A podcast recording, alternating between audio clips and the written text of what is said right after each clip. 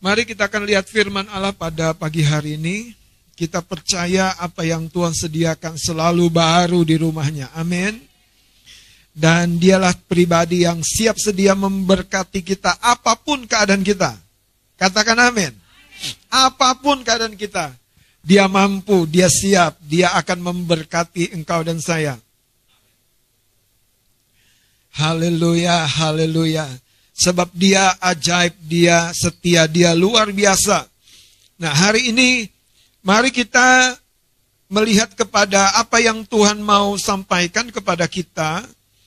Bahwa sering kali dalam kehidupan kita, kita akan mengalami sebuah kondisi di mana kita seperti lemah, seperti jatuh, seperti kehilangan semangat. Tetapi kuatkan kehidupan setiap kita pada pagi hari ini karena dia pribadi yang mau membangkitkan kembali semangatmu dan semangatku. Amin. Amin. Nah, mari kita akan lihat dari kitab Wahyu pasal yang kedua. Wahyu pasal yang kedua ada sebuah pesan yang disampaikan oleh Tuhan sendiri kepada gerejanya, jemaatnya di Efesus. Nah, ayat yang pertama sampai ayat yang ketujuh saya akan membaca dengan cepat. Mari perhatikan firman Allah kepada jemaat di Efesus. Tuliskanlah kepada malaikat jemaat di Efesus. Inilah firman dari dia yang memegang ketujuh bintang itu di tangan kanannya dan berjalan di antara ketujuh kaki dian emas itu. Aku tahu segala pekerjaanmu, baik jeri payahmu maupun ketekunanmu. Aku tahu bahwa engkau tidak dapat sabar terhadap orang-orang jahat, bahwa engkau telah mencobai mereka yang menyebut dirinya rasul, tetapi yang sebenarnya tidak demikian. Bahwa engkau telah mendapati mereka pendusta. Wow, ini jemaat yang luar biasa ya. Rasul yang diuji, dicoba. Rasul-rasul palsu. Ayat 3. Dan engkau tetap sabar dan menderita oleh karena namaku. Dan engkau tidak mengenal lelah. Ini kriteria jemaat seperti apa yang kita baca di dalam Efesus pasal yang kedua ini. Jemaat yang luar biasa Karena jemaat ini dikatakan tetap sabar dan menderita oleh karena namaku. Tentu ini jemaat yang militan. Jemaat yang tidak gampang cengeng. Jemaat yang tidak mudah mengeluh. Ya, betul. Tapi apakah itu yang segala-galanya di hadapan Tuhan? Ternyata justru kebalikannya. Mari kita ngelihat ayat yang keempat. Namun demikian aku mencela engkau. Karena engkau telah meninggalkan kasihmu yang semula. Sebab itu ingatlah betapa dalamnya engkau telah jatuh, bertobatlah, dan lakukanlah lagi apa yang semula engkau lakukan. Ayat yang kelima ini akan menjadi ayat yang penting buat kita. Karena ada satu penekanan.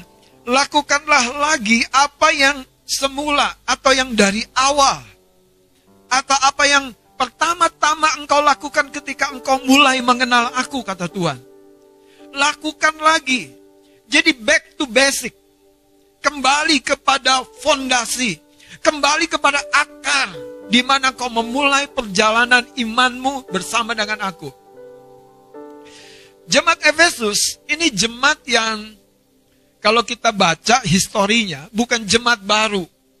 Ini jemaat yang sudah melewati sebuah tahapan yang penting sekali di mana mereka meninggalkan kepercayaan mereka yang dalam kepada prinsip-prinsip agamawi Bahkan kalau Anda baca cerita kota Efesus, itu agama yang dimaksud itu bukan sekedar agama Yahudi pada waktu Musa memberikan aturan-aturan hukum kepada bangsa Israel.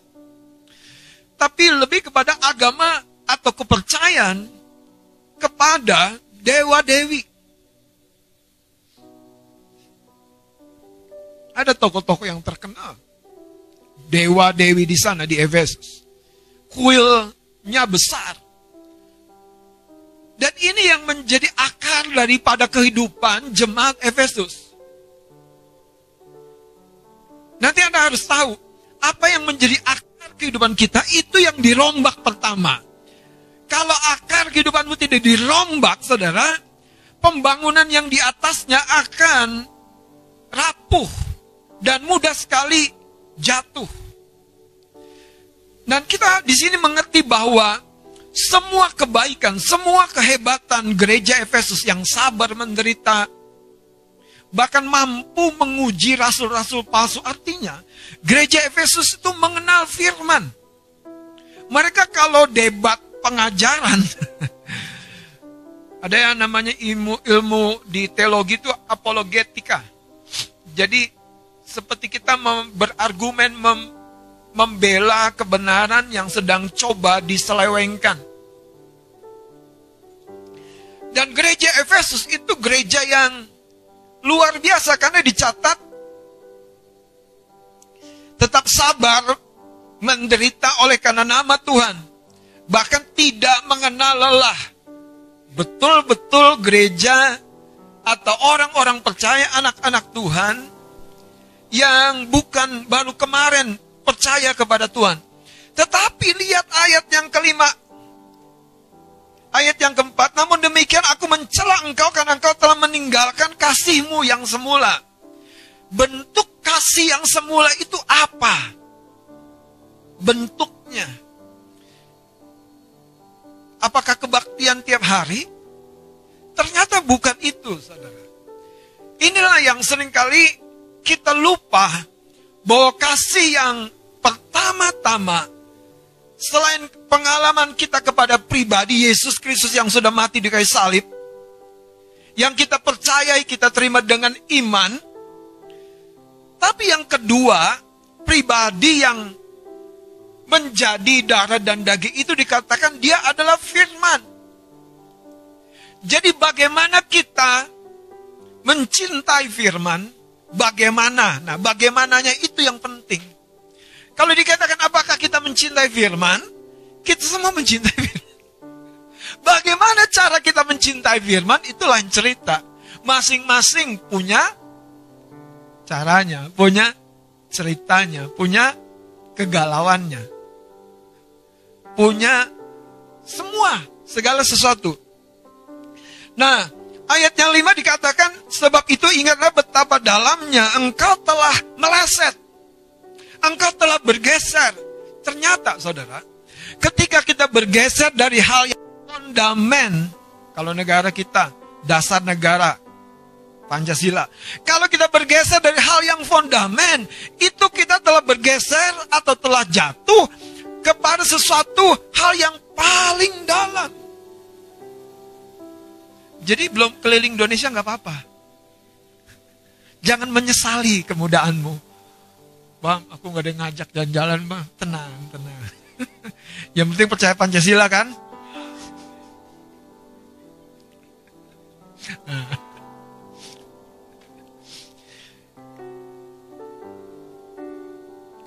Saya mau fokus dulu kepada hal yang mendasar. Hal yang mendasar dari seorang suami tentu beda dengan istri. Tapi anehnya, sering kali gulatan kehidupan, hal yang mendasar itu bisa kacau. Kenapa? Karena ada hak dan kewajiban yang yang yang di, dikondisikan oleh dunia, oleh keletihan, oleh tantangan, oleh masalah, sehingga kita lupa hal yang mendasar. Kita mulai hanya menuntut hak, hak, dan hak, dan hak. Padahal yang mendasar dua hal itu, hak dan kewajiban, adalah kewajiban. Itu sebabnya ketika kita bergeser dari hal yang mendasar sebetulnya kita telah jatuh betapa dalam. Kalau perahu, perahu layar maksud saya, kapal layar, begitu indah, begitu mewah. Tetapi di dasar pahu itu ada bocor. Kecil saja. Kak Grace, mau nggak gratis? Aku kasih tiketnya. Bela, India. Kira-kira. Gimana Kak Alona? Bersedia pulang ke Manado? Tiket gratis pulang pergi. Bisa berangkat, nggak bisa pulang. Karena bocor. Mau mewah, mau Anda dapat spa gratis. Pokoknya dapat semua fasilitas. Yang Anda tidak temui di darat, Anda temui di laut. Tapi perahu itu bocor. Saudara, prinsip dasar perlu dijaga bagus-bagus, baik-baik. Itu prinsip yang mutlak, tidak tergantikan. Tidak, tidak tergantikan. Kalau kita mau membangun sebuah gedung kokoh, kuat, tinggi, megah, penuh dengan kemegahan, aksesoris, dan lain sebagainya. Tetapi ketika Anda dibawa turun dan Anda ngobrol dengan arsitekturnya dan Anda tahu ternyata fondasinya sangat dangkal. Anda kira-kira turun segera dari lift, lift itu. Permisi Pak. Ketika goncang, itu mulai miring. Goncang lagi mulai miring. Nggak langsung sih. Tapi akan tiba waktunya. Kemegahan yang di atas justru beresiko. Tolong pahami, hidup kekristenan itu seperti itu. Kalau kita tidak kokoh dalam pekerjaan dasar, mengasihi firman, bagaimana mengasihi firman, Anda satu hari akan mengalami apa yang jemaat Efesus. Hebatnya pun pelayanan kita. Berapa tingginya pun kita berkata, utus aku Tuhan, aku siap, aku siap mati bagimu. Baru puasa setengah hari, mati aku Tuhan. Mati, mati aku Tuhan. Saudara, karena ceritanya akan berbeda ketika hati kita kering dari kebenaran firman. Nah, bagaimana hati kita bisa kering dari kebenaran firman? Yesus yang berkata manusia bukan hidup dari roti saja. Kalau Anda bisa tambahin segala perlengkapannya. Bubur Manado lah. ya kan? E, bak panggang lah. Manusia bukan hidup dari semua itu. Udah sarapan apa hari ini? Nasi goreng. Ci Tuhan. Bang, aku belum sarapan, Bang. Tenang, tenang, tenang. Saya menyediakan sarapan yang lain buat Anda. Lihat. Tuhan itu baik ya. Dia mengungkap kebocoran bukan bukan untuk mendakwa loh. Dia mengungkap oh, kanker bukan untuk membuat Anda kemudian lari ke gunung tinggi dan melompat. Bukan. Habis hidup. No. Dia justru mengungkap Anda tuh punya kanker stadium 4 supaya berikan waktu supaya aku tolong kata dokter. Berikan waktu. Aku terlalu Ke mana sibukmu? Tuhan cuma bilang berikan waktu.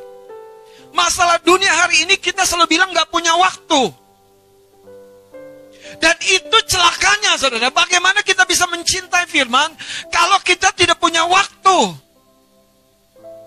Setiap orang tua yang baik. Kalau dia berkata aku mencintai anakku. Tapi engkau tidak punya waktu buat anakmu. Menurut saya saudara. Kita mulai kehilangan sesuatu yang dasar.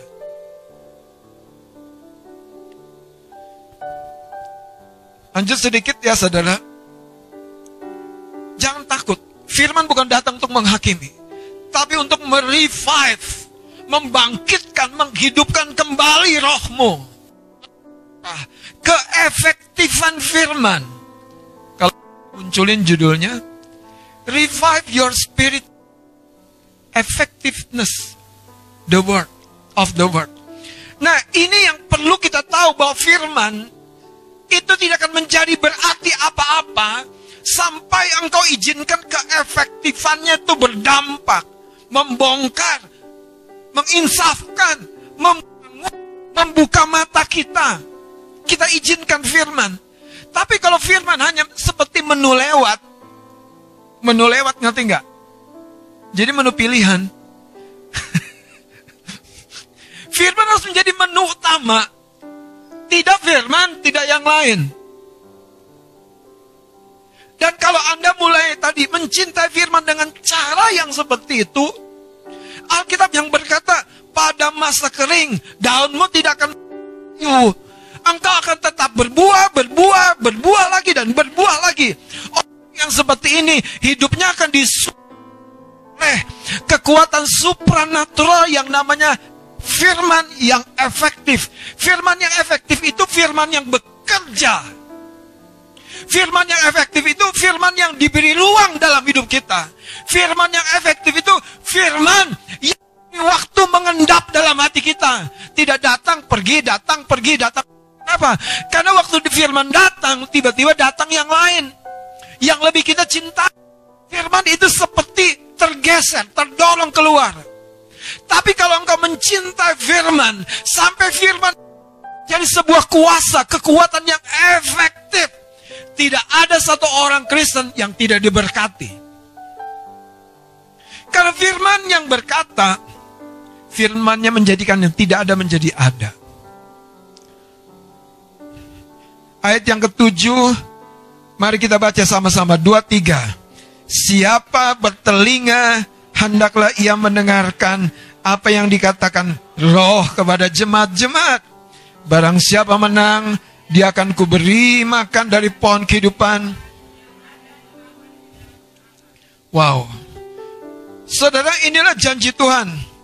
Itu sebabnya ayat yang kelima, kita harus tahu, sudah bergeser berapa jauh sudah terganggu berapa dalam gangguan masuk dalam hidup kita.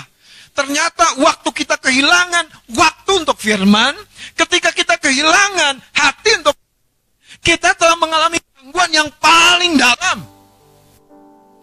Yang paling dalam. Yang paling dalam. Yang paling dalam. Saudara saya mau kasih tahu ya. Kita bisa doa, kita bisa menyembah, kita bisa memuji. Tapi Daud Raja Daud, raja yang mencintai hadirat Tuhan, raja yang berkata, "Aku bangun pagi-pagi untuk berseru, berteriak dan berharap kepada firman." Mazmur, Mazmurnya. Dia menulis Mazmur yang paling panjang itu tentang firman. Daud suka menyembah, Daud suka berperang, tapi dia sangat-sangat-sangat suka kepada firman. Mari kita lihat saudara dan buktikan sendiri dari kitab Mazmur pasal yang pertama. Kiranya ini mendorong kita meripai, membangkitkan kembali satu cinta yang semula, yang kalau dengan firman responsif, yang kalau dengan firman responsif, yang kalau dengan firman kita mau grab, ambil, ambil, ambil. Saudara, itu harusnya terjadi kepada orang-orang yang lapar kepada firman.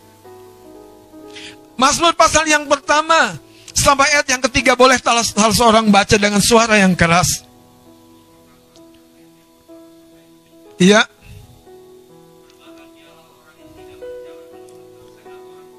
Ya. Dan yang tidak duduk dalam kumpulan pencemooh. Lihat firman Allah berkata, orang-orang dapat jadi begitu begitu baik, begitu alim, tapi itu tidak cukup. Kita tidak cukup hanya menjauhkan kehidupan yang fasik, menjauhkan kehidupan dunia. Kita belum cukup sampai di situ. Kita harus masuk kepada hal yang kedua. Lihat ayat yang kedua ini. Tetapi yang kesukaannya ialah tahu Yang Tuhan. kesukaannya, yang kecintaan.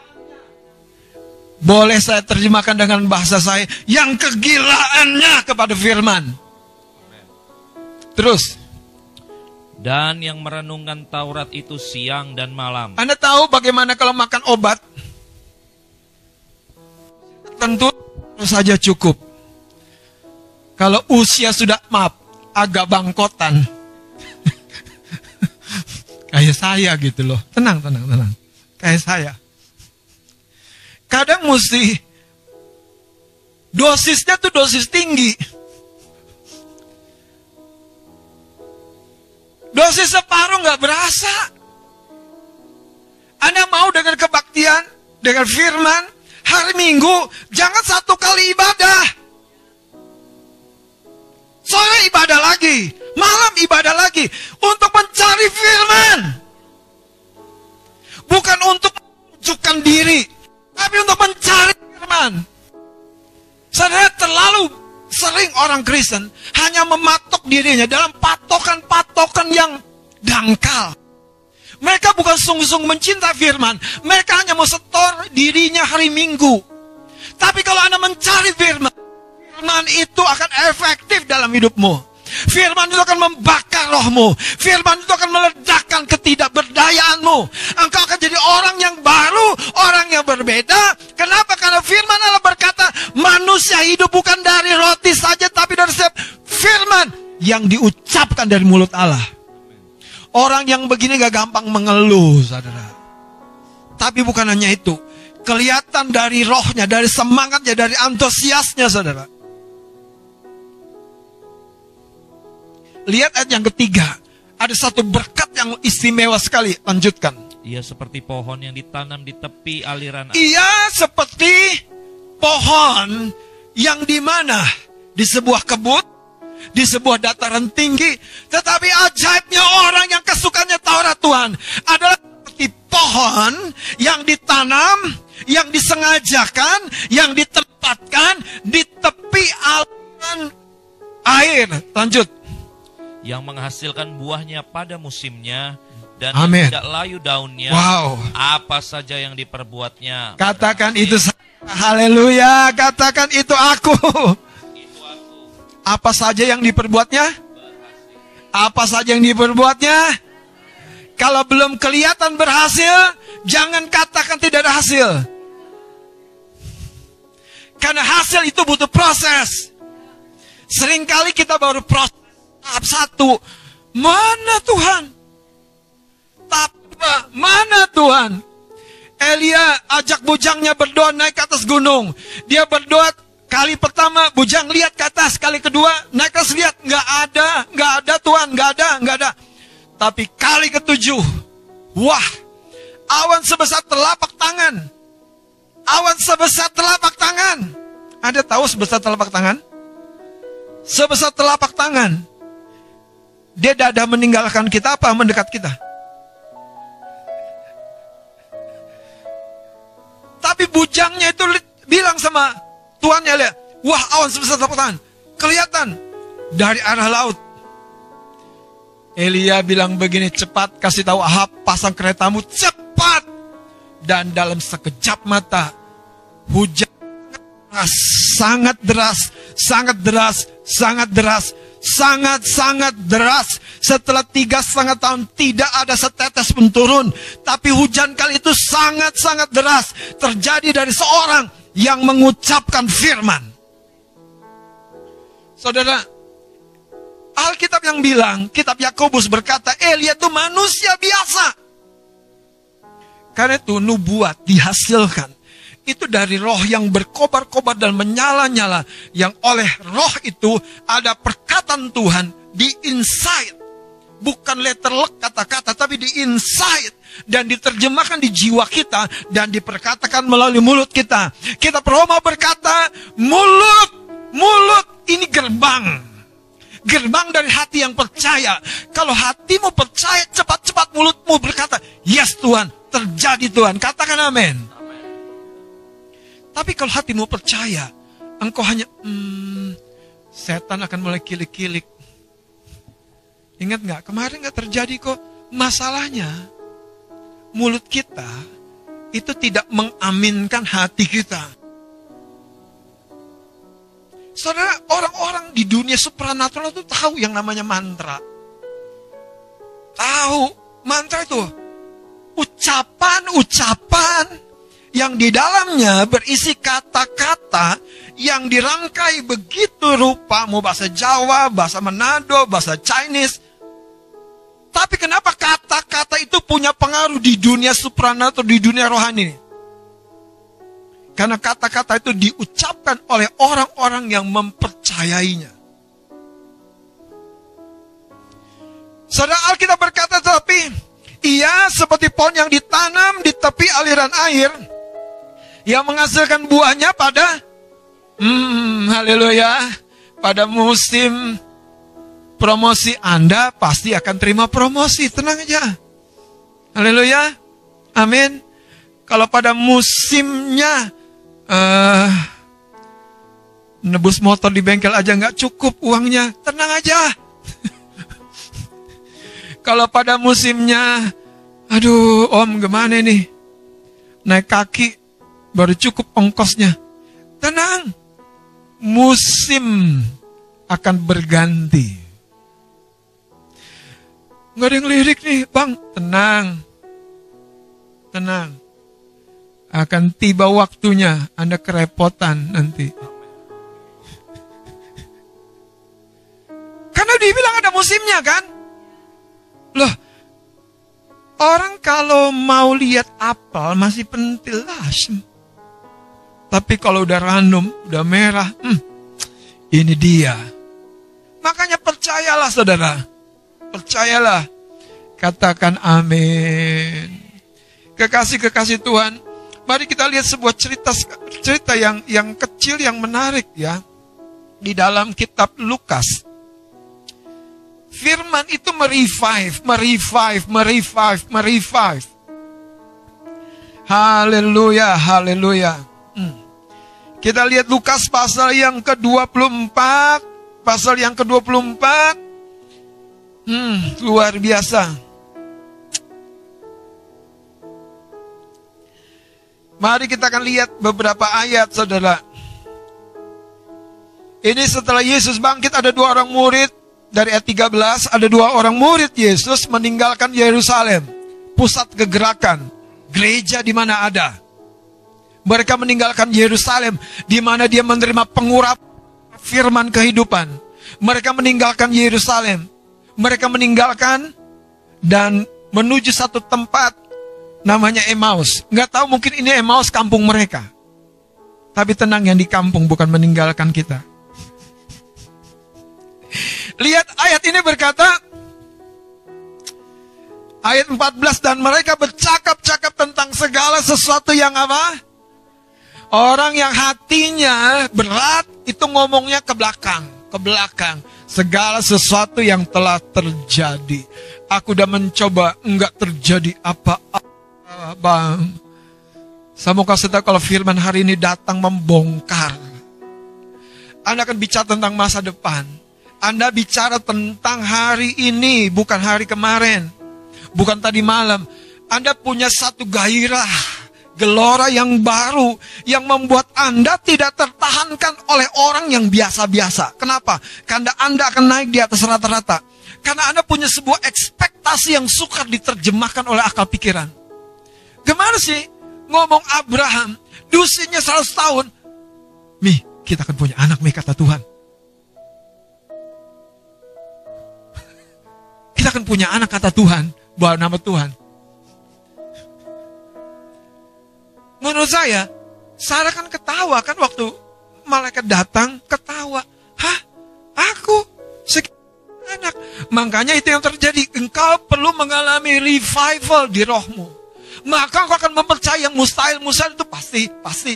Kenapa? Karena sang pencipta kehidupan ini yang sudah berfirman, yang sudah berkata. Pasti, pasti, pasti, pasti. Lanjut sedikit di pasal 24 ini. Yesus menemui mereka dalam wujud kebangkitannya yang lagi ngobrol-ngobrol melo ini. Terus ayat yang ke-18 coba lihat. Adakah engkau satu-satunya orang asing di Yerusalem yang tidak tahu apa yang terjadi di situ dan pada hari-hari belakangan ini? Hmm. Lihat ayat 19-nya. Yesus seperti tidak tahu betul-betul pura-pura Apakah itu? Jawab mereka. Apa yang terjadi dengan dia seorang Nazaret? Dia adalah seorang nabi yang berkuasa dalam pekerjaan dan perkataan. Makanya perkataan. Firman itu ajaib, saudara. Kita lompat sekarang. Ayat 25. Lalu ia berkata kepada murid-muridnya nih, Hai kamu orang bodoh, betapa lambannya hatimu percaya yang dari hati itu meluap, meluap di mulut. Jadi Yesus tahu hati murid-muridnya tidak percaya karena ngomongnya cara-cara dan informasi yang disampaikan itu meluap dari hati yang tidak yakin bahwa Yesus akan bangkit dan sudah bangkit bahkan yang bersama dengan dia. Jangan-jangan kita tidak tahu Tuhan yang hidup itu ada begitu dekat dengan kita sedang membawa kita balik Balik kenapa? Karena roh kita sudah begitu redup dan kita sedang salah jalan menuju Emmaus. Tuhan bilang balik nak ke Yerusalem. Balik muridku, karena di sana engkau akan melanjutkan lembaran-lembaran buku yang telah aku tulis menurut pikiranku yang sempurna. Lanjut saudara, menurut saya firman harus menjadi pertama-tama, tetapi dengar, Cara engkau mencinta firman harus membuat firman itu efektif. Karena bukan sekedar perkataan-perkataan tulisan yang mati ini. Tapi perkataan-perkataan yang di dalamnya tiba-tiba berbicara kepada manusia rohanimu. Ini sebuah contoh. Mari lihat saudara. Ketika mereka ngobrol, ngobrol, ngobrol. Apa yang Yesus lakukan? Apa yang Yesus lakukan? Tolong seorang baca. Ayat 27 ke-27. Ya. Lalu ia menjelaskan kepada mereka apa yang tertulis tentang dia dalam seluruh kitab suci. Amin. Mulai dari kitab-kitab Musa wow. dan segala kitab nabi-nabi. Jadi Yesus menjelaskan tentang dirinya yang tertulis di dalam Alkitab. Tetapi ketika Tuhan menjelas, menjelas. Ini kuncinya. Firman itu harus begitu jelas. Dan itu mulai keefektifannya menembus kulit keras keraguanmu. Kulit regas kedinginan hatimu. Kulit keras yang selalu berkata, nggak ada waktu, nggak ada bis, nggak bisa, nggak ada modal, nggak ada peluang. Tapi Tuhan berkata, engkau akan menjadi bapa bangsa-bangsa. Mana mungkin istriku aja mandul. Salah ketidakmungkinan berhenti ketika Tuhan bicara. Katakan amin. Lihat saudara apa yang kemudian terjadi setelah Tuhan bicara. Tuhan menjelaskan. Ayat yang ke-32. Lanjutkan. Kata Bang mereka seorang kepada yang lain. Ini dia. Bukankah hati kita berkobar-kobar? Bukan hati kita berkobar-kobar. Katakan haleluya. Haleluya. Kalau hatimu berkobar-kobar. Itu fase pertama. Engkau telah mengalami sebuah masuk gelombangnya. Engkau sedang mengalami tadi masuk kepada gelora dari firman itu. Tapi kalau engkau biasa-biasa, makanya keefektifan firman itu yang merevive, menghidupkan kembali. Ini bagus saudara, bagus sekali. Karena ketika mereka bilang hati kita berkobar-kobar terus, ketika ketika ia berbicara dengan kita di tengah jalan. Ya. Jadi izinkan kitab suci diterangkan kepada engkau. Haleluya. Kalau engkau hanya dengar sepatah-sepatah bagaimana kau bisa mengalami revive di rohmu. Bagaimana kau bisa geloramu bangkit kembali saudara. Butuh waktu. Butuh kehausan. Butuh kecintaan. Dan Alkitab berkata dalam kitab Lukas, Yesus 12 tahun, usia 12 tahun, itu tinggal di bait Allah, tiga hari, duduk dengar, kepada alim ulama ngobrolin firman. Betapa Yesus mempertunjukkan hati seorang murid. Lanjutkan dengan cepat. Terus. Ya. Apa yang terjadi ketika mereka bergelora? Mereka bangun.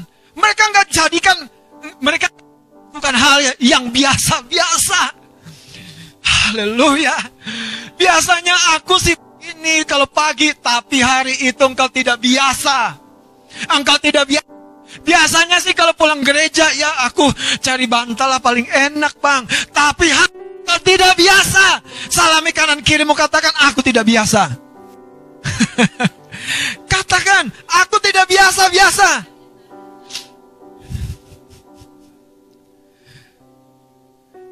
Itu yang terjadi dengan Hana. Ketika mereka ibadah, ibadah selesai. Sesi terakhir ngapain? Pesta, makan-makan. Kantin dibuka. Tapi Hana justru datang mendekat ke mesbah Tuhan dan berdoa dan berdoa dan berdoa dan berdoa dan berdoa dan berdoa. Saya berdoa, Anda akan ketemu orang-orang seperti Penina yang menggores hatimu sampai engkau tahu engkau tidak punya sesuatu yang lain selain engkau perlu ambil firman itu. Kalau engkau hanya ketemu orang yang membelai, tidak apa-apa kok. Bukankah aku lebih daripada sepuluh anak laki-laki? Hana bilang begini, enggak begitu mas. Sorry mas, tapi bener loh. Makan doa. Gereja hari ini nggak apa-apa lah Tuhan. Kasih aniaya sedikit. Yang lain tambahin dikit lagi. Karena dia sering sering banget itu terlalu di zona nyamannya. Kalau Anda gerah, itu kayak motor udah hangat siap. Lepas eh, angkat standar dulu ya. Lepas masuk gigi satu, dua, tiga, udah jos. Tapi waktu Anda motor itu masih terlalu dingin, susah. Makanya kalau firman efektif dalam hidupmu, apa yang yes terjadi. Apa yang Tuhan bilang gini, hidupmu akan diberkati bisa menerjemahkan berkat itu dengan segala ragam keajaibannya. Wow, haleluya, haleluya. Anda mungkin Anda nih belum belum nangkep yang saya bayangin. Kalau saya waktu saya dibilang Tuhan, "Iyo, kamu akan diberkati bulan ini dengan extra blessing." Wah, extra blessing. Aku tahu dong yang biasanya gimana, yang luar biasanya bagaimana. Saudara, karena itu roh yang menyala-nyala, yang antusias. Makanya saya suka tanya sama beberapa murid hari Senin, udah dengar lagi nggak khotbah hari Minggu? Kalau belum dengar ke mana aja lo? Maaf ya, ini biasanya kosakata isi saya. Isi saya suka bilang, Papa nggak cocok. Laut aja. Haleluya. Coba lihat saudara ayat yang ke-33 baca sama-sama. Dua, tiga. Lalu bangunlah mereka. Mereka bangun dari lama mereka. Artinya ada sebuah revive. Terus. Dan terus apa? Dan terus apa? Dan terus apa? Kembali, kembali, kembali, kembali. Anda tidak pernah akan sama lagi statusmu. Tidak. Kuncinya sederhana. Anda harus izinkan firman itu efektif. Dengan cara apa? Nanti kita akan belajar yang pertama, Anda harus buka ruang hatimu lebar-lebar. Apa yang membuat hatimu sempit? Ketakutan, kemarahan, kekecewaan. Lanjut dikatakan mereka kembali, kembali ke Yerusalem. Dan kemudian mereka mendapati di situ sesuatu yang lebih besar, lebih besar, lebih besar lagi. Saudara saya percaya inilah rencana Tuhan untuk membangkitkan kita oleh firman yang efektif itu. Firman yang berkuasa itu, firman yang hidup. Saudara, apakah kita mulai mengerti bahwa kehilangan waktu, kehilangan hati, kehilangan kecintaan, kehilangan kedalaman untuk memahami, menghayati firman, kehilangan itu, Anda telah mengalami kerusakan seperti tadi. Perahu layar hebat, mewah, tapi bocor di bawahnya. Anda seperti gedung dibangun tinggi tetapi fondasinya tidak dalam. Atau yang lebih serius lagi, Anda seperti pohon sepertinya besar, rimbun, tetapi setelah sekian lama akarnya mulai bermasalah. Lukas pasal 13 mencatat, bahwa pohon ara tumbuh di sebuah kebun anggur tidak menghasilkan buah. Masalahnya bukan di batang, di tangga, di dahan, di daun. Masalahnya di akar. Makanya pengurus kebun anggur yang melihat pohon ara yang tidak berbuah yang satu, oh itu berkata begini. Kasih waktu. Waktu itu penting. Izinkan waktu satu tahun ini. Aku akan menggali tanah supaya gembur di sekeliling pohon itu. Itu di area akar. Pengurus kebun anggur itu bilang nggak bilang begini, aku akan tudungi dia supaya dijauhkan dari sinar matahari. Enggak. Masalah dia bukan sinar matahari. Masalah dia bukan hama, tapi masalah dia akarnya. Yang kedua, kalau Anda baca dulu ke 13, aku akan memberi pupuk. Kekasih-kekasih Tuhan, jangan anggap kasih kita yang sudah dingin ini biasa-biasa. Kita harus nyala kembali kepada Alkitab, kepada firman. Sehingga mau khotbah, mau baca, mau dengar sepintas, pokoknya hati kita lapar akan firman. Mau nubuat yang diperkatakan, mau nubuat yang direkam, anda lapar dan haus akan firman. Firman itu jadi efektif. Yohanes 14 ayat 21. Saudara pesan kepada gereja di Efesus itu betul-betul serius. Karena Yesus sendiri berkata, Yohanes 14 ayat 21, tolong seorang baca. Barang siapa memegang perintahku ya. dan melakukannya, dialah yang mengasihi. Jadi kasih seperti apa kita kepada Tuhan? Waktu kasih kita kepada Tuhan, tunjukkan kepada firman. Lanjut. Dan barang siapa mengasihi aku, ia akan dikasihi oleh Bapakku, dan aku pun akan mengasihi dia dan akan menyatakan diriku kepadanya. Wow. Saudara menarik ya. Allah tidak pernah main-main dengan firman-Nya. Itu sebabnya melalui firman-Nya dia menjadikan Yesus nyata bagi mata manusia. Sekali lagi, melalui firman-Nya dia menjadikan Yesus nyata bagi mata manusia. Sebelumnya nggak nyata. Yesus Tritunggal. Tiga yang satu. Pada waktu dia berperan dalam penebusan dosa, itu menjadi nyata melalui firman. Makanya kalau kita punya hasrat dan gairah, seperti gereja Efesus, kita bisa tetap melayani loh. Tapi dasarnya sedang rapuh. Dasar sedang rapuh. Saudara sekarang lihat dalam bagian yang lain Yohanes pasal yang ke-8 ayat 30 dan 32 saya akan baca. Yohanes pasal yang ke-8 ayat 30 sampai 32.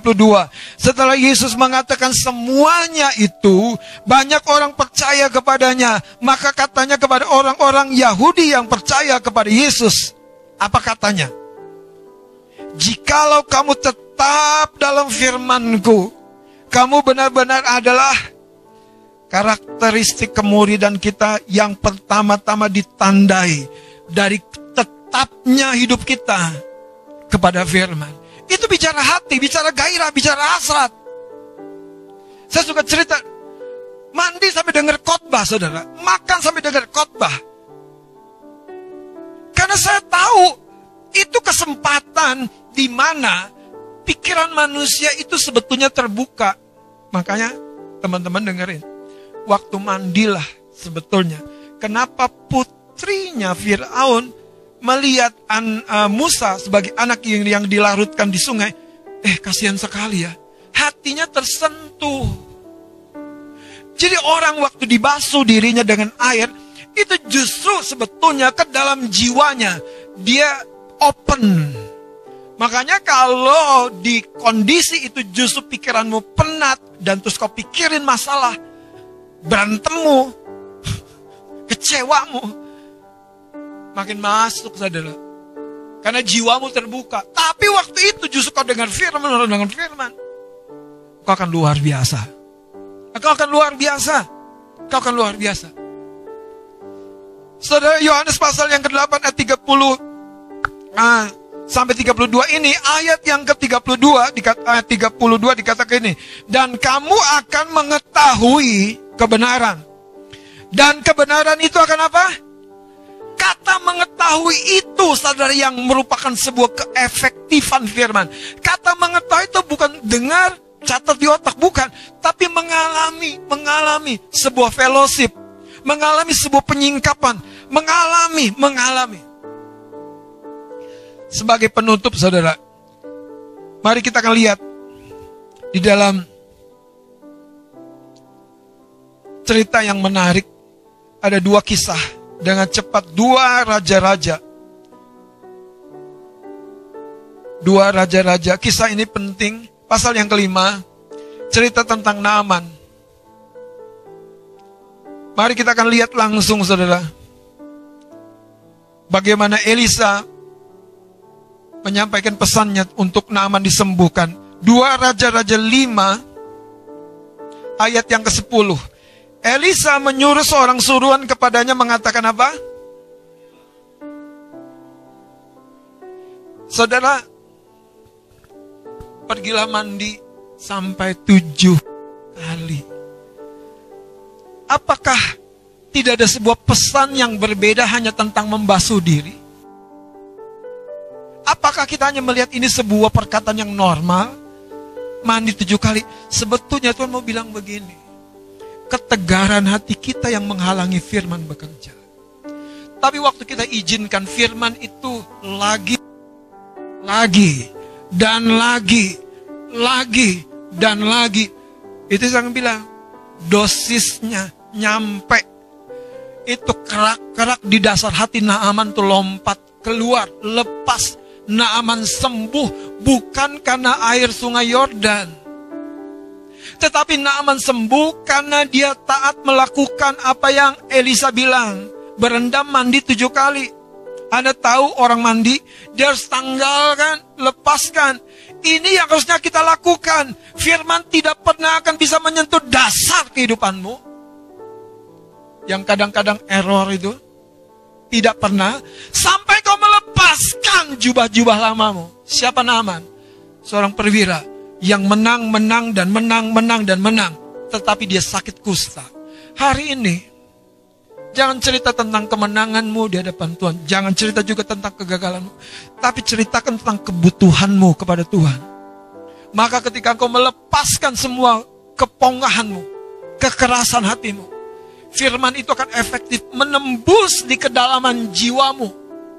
Itu yang terjadi ketika Zakheus pemungut cukai melihat Yesus. Dia lari. Yang tidak biasa dan belum pernah dia lakukan, dia manjat pohon. Dia tunggu Yesus. Dia mau tahu Yesus seperti apa. Kekasih-kekasih Tuhan. Apakah engkau akan lewati hari-hari dengan hidup biasa-biasa? Sementara dengan semuanya itu kamu mulai mempersalahkan Tuhan. Seolah-olah Tuhan tidak setia dengan rencananya. Engkau mempersalahkan orang lain. Saya berdoa hari ini, kita tidak perlu mempersalahkan siapa-siapa. Tapi kita izinkan peristiwa Naaman tujuh kali. Kita dibasuh lagi, dibasuh lagi, dinasehati lagi, dinubuati lagi, kita dengar lagi. Maka firman itu akan efektif, efektif. Mari tutup Alkitab.